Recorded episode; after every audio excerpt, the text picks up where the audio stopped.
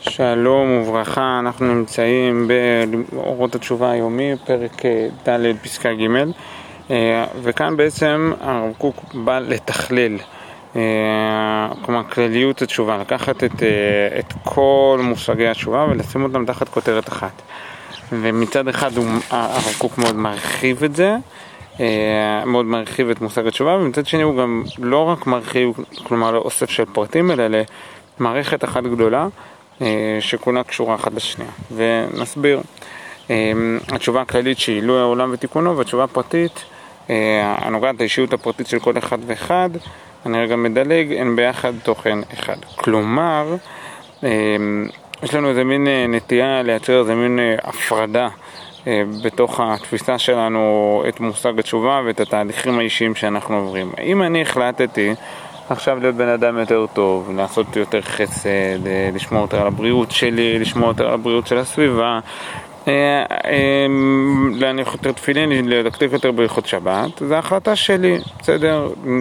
החלטה מבורכת, החלטה טובה מאוד, אבל בסך הכל זו החלטה שלי שנוגעת למרחב האישי הפרטי שלי. יכול להיות שגם האנשים שסביבי, המשפחה, החברים וכן הלאה, גם הם מרוויחים את זה, גם הם מקבלים את זה, אבל זה עומד בפני עצמו, וזה לא חלק מאירוע כללי וגדול, וכאן מגיעה הטעות. לא, התשובה הכללית, כלומר העובדה שהעולם הולך ומתעלה, או העולם הולך ונהיה יותר, יותר ויותר טוב, ההתקדמות של העולם היא נראית לכאורה מנותקת מזה, וכאן הרב קוק אומר, לא, זה לא נכון, הכל זה דבר אחד. גם ההתקדמות של התשובה הפרטית היא חלק מהתשובה הכי כללית, הכי גדולה, הכי מדהימה. או במילים אחרות, יש היום פחות אלימות מאשר מה שהיה בעבר. נכון, יש עדיין אלימות, אבל פחות אלימות. כי לדוגמה, בעבר עם ישראל היה מסוגל להרוג אחד, אחד את השני עד כדי כך שבקרב אחד בין ממלכת יהודה לממלכת ישראל נהרגו חצי מיליון אנשים, חצי מיליון יהודים, אחים, ממש מלחמת אחים, שבה נהרגו חצי מיליון אנשים. היום כזה דבר לא יקרה, אין, אין שום סיכוי בעולם שתהיה מלחמה כזאת נוראית בתוך עם ישראל, זה פשוט לא יהיה. על אדם אחד, ראש הממשלה שנרצח, אנחנו אבלים ומציינים את זה פעם בשנה באופן מאוד ברור, כי זה רצח פוליטי ואסור שיהיה רצח פוליטי, אבל זה משהו שנוצר כהתקדמות, כלומר, היום אנחנו נמצאים במקום הרבה הרבה יותר טוב מאשר מה שהיה בעבר. עכשיו, זה שאנחנו התקדמנו באופן כללי, איפה זה שם אותי? אני עכשיו התקדמתי במילימטר שלי, במשבצת הקטנה שלי. ופתאום מגיע הרב קוק ואומר, תצא מהקטנות שלך, מהתפיסה הפרטית שלך, ותראה את כל המכלול כולו.